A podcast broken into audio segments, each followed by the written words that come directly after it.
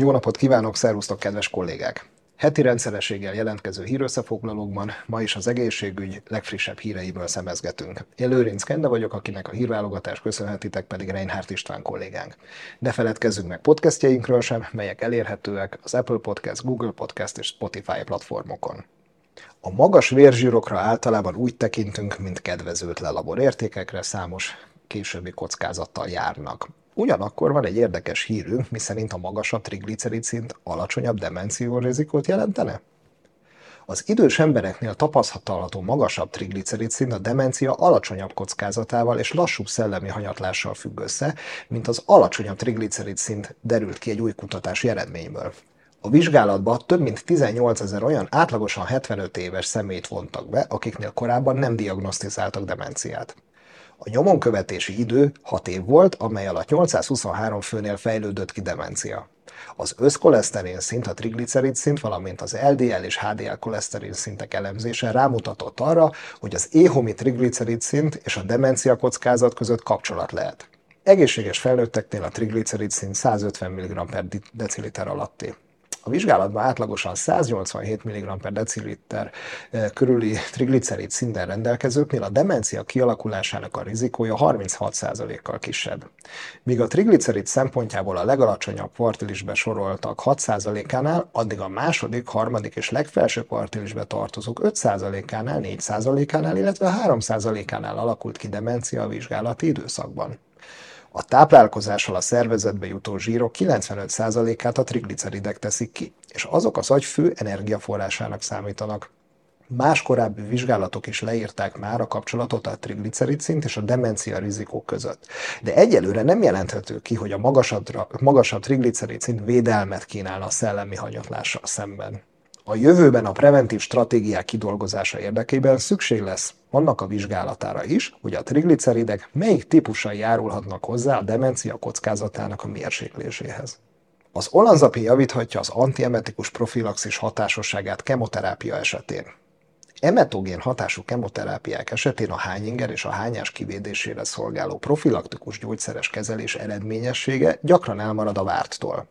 Az Európai Klinikai Onkológiai Társaság ESMO 2023-as madridi ülésén elhangzottak alapján viszont szignifikáns javulást hozhat az antiemetikus terápia olanzapinnal való kiegészítése. Indiai szakemberek egy fázis 3-as vizsgálat keretében azt vették gorcsó alá, hogy az oxaliplatinnal, karboplatinnal vagy irinoketánnal végzett kemoterápia esetén milyen hatású az, ha a standard antiemetogén kezelést egy atipusos neuroleptikummal, az olanzapinnal egészítik ki. A háromszorosan vakelrendezésű multicentrikus vizsgálatba bevont 544 beteg egyik része dexametazon, aprepitán és palonazetron kezelésben részesült, míg a kezelt ágra randomizáltaknál az a kombináció egészült ki az első harmadik napokon 10-10 mg olanzapin hozzáadásával. Az olanzapinnal is kezelteknél szignifikánsan magasabbnak adódott a teljes válasz aránya, azaz nagyobb volt azoknak a betegeknek a hányada, akiknél nem jelentkezett sem hányás, sem jelentős hányinger, 92 versus 86 százalék. A kemoterápiával összefüggésben persze. Kiemelendő, hogy az olanzapin profilaktikus terápiához való hozzáadása nem járt jelentős mellékhatásokkal, és nem vezetett az életminőség romlásához sem. A közlemény szerzői a jövőben megfontolásra ajánlják a standard antiemetogén terápiák olanzapinnal való kiegészítését.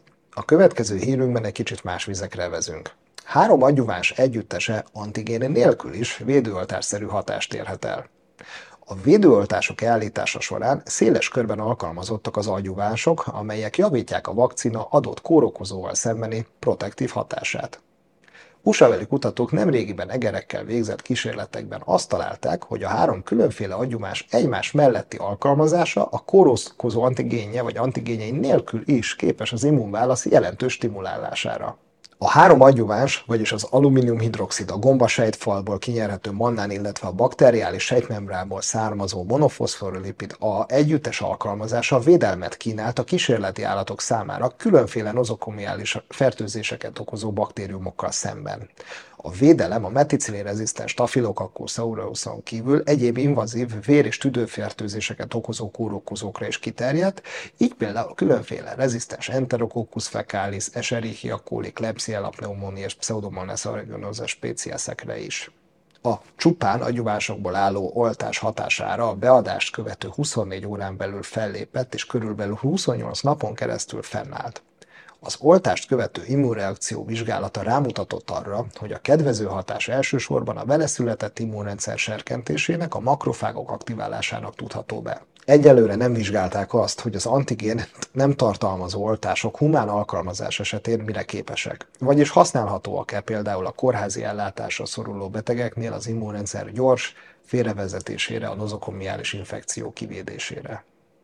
Következő hírünk is szintén aktuális még. A COVID-19 okozta zavaroknál segíthet a szaglás tréning egy új vizsgálat szerint.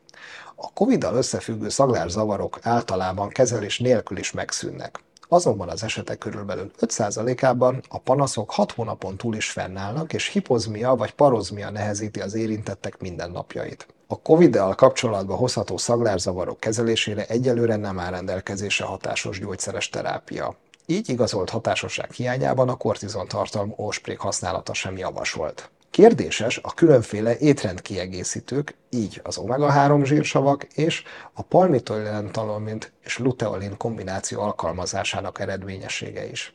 Újabban a németországi fülorgégészek és fejnyaksebészek a COVID-hoz köthető perzisztáló olfaktórius zavaroknál tréninget javasolnak.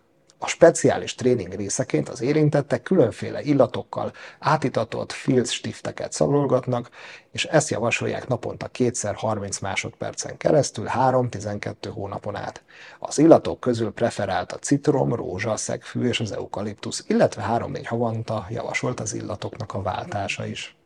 Ennyi volt már a doktor hírek, köszönjük, hogy ma is velünk tartottatok. A következő adásig szervusztok!